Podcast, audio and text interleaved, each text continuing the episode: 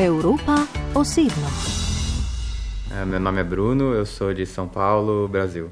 Bruno Gola je brazilec. Ko ga vprašamo, ali bi svoj materni jezik označil za brazilščino ali portugalščino, odgovori: Brazilian Portuguese. Bruno je umetnik in programer. Skoraj deset let je delal kot programer v Braziliji, pred tremi leti pa v svojem delu ni več videl izzivov, zato je poiskal nove. Postal je zvočni umetnik. Že v mladosti sem oboževal tako glasbo kot programiranje. Programirati sem se naučil, ko sem bil še zelo mlad, hkrati pa sem igral kitaro, bobne in klavir ter še nekatere druge inštrumente. Glasba in računalniki so bili odnegdaj moja strast. A odločil sem se za študij računalništva, pred več kot 12 leti sem se upisal na fakulteto v Braziliji. Deset let sem delal kot programer, na to pa sem na neki točki spoznal, da sem zelo nesrečen pri svojem delu, da delam programsko opremo zgolj za druga podjetja in druge ljudi. Želel sem si ustvariti nekaj zase. To je vodilo k temu, da sem postal zvočni koder. Začel sem študirati umetnost na univerzi v Berlinu in tako sem postal umetnik. Biti umetnik je poslanstvo, a seboj prinaša tudi veliko negotovosti. Sploh v zadnjem letu so bili umetniki posod po svetu postavljeni v nezavedljiv položaj, saj se je za ustavitvijo javnega življenja za večino zaprl tudi prostor ustvarjanja in uprizarjanja svojih del. Na drugi strani pa je delo v računalništvu bolj stabilno, podjetja vse čas iščejo dobre IT-jevce, veliko jih zaposlitev najde že v času študija. When I was still working as a programmer, I always had like a safety of knowing that I would have a job, even if I wanted. Biti programer je varno. Vedno veš, da boš imel službo, tudi če jo želiš zamenjati, boš z lahkoto našel drugo delo. A hkrati vidim programiranje kot zelo omejeno izbiro karijere. Za me je bilo to na nek način zelo žalostno, ker nikoli nisem ustrezal samo eni stvari. Ko sem se odločil za prehod med umetnike, je trajalo nekaj časa, da sem se opogumil in zapustil takratno službo, ki mi je predstavljala finančno stabilnost. Imel sem dobro življenje. Dve leti sem varčeval in nisem hodil nikamor, da sem si lahko privoščil magistrski študij in spremembo karijere. Danes živim zelo drugačno življenje kot nekoč. Živim od projekta do projekta, iskanja priložnosti in različnih projektov tu in tam. Moja mesečna plača je sedaj zelo drugačna kot nekoč. Veliko bolj nestabilna, ampak jaz sem sedaj veliko bolj srečen. Bruno večino svoje umetnosti ustvarja s pomočjo računalniških kod, njegovo osrednje področje umetnosti pa je kodiranje v živo. Yeah, so live coding is a practice, it's a very big area in one way. You can do a lot of different things with it. Kodiranje v živo je zelo širok pojem. Počneš lahko veliko različnih stvari. V bistvu gre za ustvarjanje s kodiranjem. Ko običajno spišete programsko opremo, jo spišete in potem je proces končan. Ljudje jo uporabljajo v primarni obliki. Pri kodiranju v živo pa kodo pišete med tem, ko jo že uporabljate. Na to v kodi spremenite nekaj in to ustvari drugačno stvar, drug zvok ali sliko. To počneš tudi med nastopanjem. Občinstvo vidi, kako tipkate kodo. Tako da je včasih zelo očitna in povezana s tem, kar je napisano na zaslonu. Spremembe lahko zaznamo s sliko ali zvokom, odvisno od zasnove projekta. Instalacijo lahko posameznik razume, tudi če ni nikoli programiral. Povezava je včasih bolj, včasih pa manj očitna, a to je del estetike celotne ideje kodiranja v živo. Tudi če ne razumeš kode, lahko sodeluješ in z vidika izvajalca se mi zdi to zelo zanimivo. Občinstvo si ob tem zamišlja različne svetove, vsak do instalacijo doživlja po svoje. Ta perspektiva mi je zelo všeč. Creating different worlds in their minds of what the code is doing. I, I like this perspective. Kodiranje v živo je vrsta audiovizualne umetnosti, ki temelji na sodelovanju. Umetniki pišajo različne kode, na instalacijah jih lahko potem spreminjajo obiskovalci, v uporabo pa jih ponudijo tudi drugim umetnikom. Bruno Gola vedno ustvarja odprtokodno programsko opremo. Za ustvarjanje na področju zvočnega koderstva ni nujno predznanje programiranja, je pa priporočljivo. Nekatera orodja in programski jeziki, ki jih uporabljajo, so zelo specifični in pri teh predznanje nima velike teže. Podobno kot sicer v življenju, lahko denimo oblikuješ les, čeprav nisi mizar, in lahko ustvarjaš zvoke s kitaro, čeprav nisi poklicni glasbenik. Tako lahko tudi uporabljaš kode za produciranje zvočne umetnosti, ne da si poklicni programer. Ali zvočni koderji med umetniki veljajo za nekakšne gike?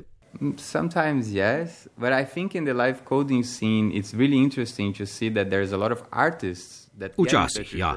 A zelo je zanimivo, da je veliko umetnikov prišlo v stik s programiranjem prav skozi kodiranje v živo. Ni pa veliko programerjev, ki so na ta način postali umetniki. Veliko umetnikov se zanima za programsko opremo, ker si želijo razširiti možnosti za ustvarjanje. Da nekoč tudi sami spišajo kode za različne programe in ne uporabljajo zgolj že narejenih programov. Vidim, da gredo umetniki v smer kodiranja v živo in jim ta predstavlja način, da se ločijo od klasične programske opreme. Ampak ja, zagotovo smo koderji v živo neke vrste geeki med umetniki. V Sloveniji kodiranje v živo kot zvrst umetnosti še ni poznano med širšo množico. Gre za nekakšno nišno umetnost, ki je priljubljena med majhnim številom ljudi. Kje po svetu pa je kodiranje v živo že popularno? Mm, that's a difficult question. I would say that live coding is popular on the internet. To je težko vprašanje. Rekel bi, da je kodiranje v živo popularno na spletu. V Braziliji imamo sceno, kjer poteka tudi kodiranje v živo. Vem, da je v Angliji nekaj koderjev v živo, nekaj jih je v Združenih državah Amerike in nekaj v Nemčiji. Ampak v Nemčiji ne poznam kakšne posebne skupnosti, saj so skupnosti koderjev v živo bolj prisotne na spletu in v njih so ljudje z celega sveta. Vem, da imajo veliko skupino live koderjev v Španiji, pa v Mehiki je velika skupina ljudi, ki počne veliko različnih stvari res zanimivo. In sedaj, očitno, tudi v Indoneziji obstaja skupnost, ki je nedavno organizirala velik spletni dogodek indonezijskih koderjev živo, ki je bil zelo zanimiv. To so ta območja, za katera vem, da se tam dogajajo zanimive stvari. So yeah, those are the places I kind of know that there's something interesting happening.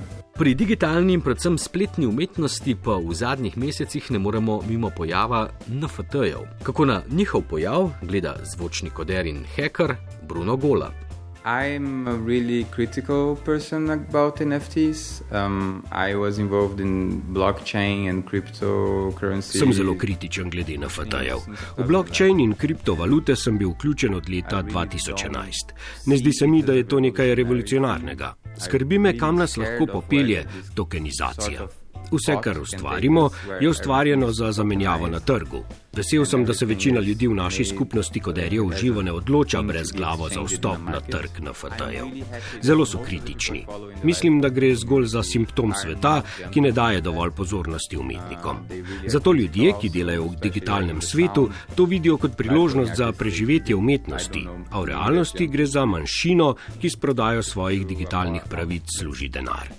Dobiček kujejo zgolj tisti, ki so v kriptovalute začeli vlagati zelo hitro in imajo zato, da določene ideološke motive in razloge. Gre za to, da ne verjamejo v trenutni družbeni sistem, ampak sam mislim, da gre za nekakšno digitalno utopijo, ki se prenaša s kriptovalutami in popolnoma ignorira, da še vedno živimo v svetu, ki ni zgolj digitalen.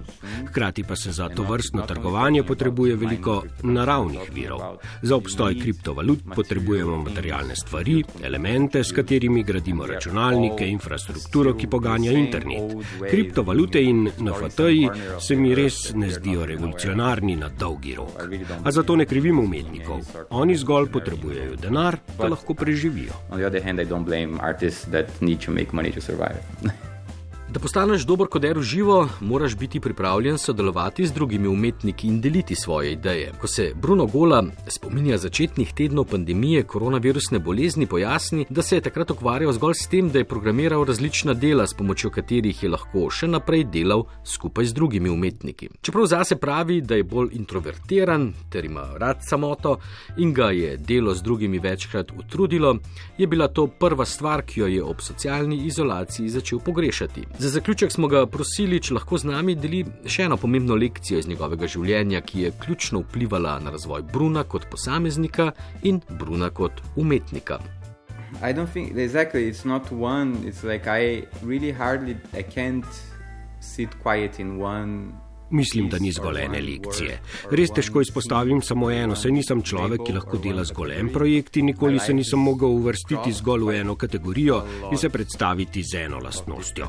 Moje življenje je prepleteno z veliko različnimi tematikami, delal sem v veliko različnih ekipah. Vsak dan se zbudim kot drugačen človek, ki je nekako zainteresiran za različne stvari. Mogoče je to ta ena stvar oziroma lekcija kako uvrstiti vse stvari, ki me zanimajo, v moje delo, v nekaj, kar produciram. Težko je najti zgolj eno stvar, ki povezuje vse aspekte mojega življenja. Mogoče je to moja osebnost. Enostavno, kdo sem. In zelo sem vesel, da sem takšen. But, but I like that. I think it's, uh, that's my personality, that's who I am. So I'm really actually happy to be like this.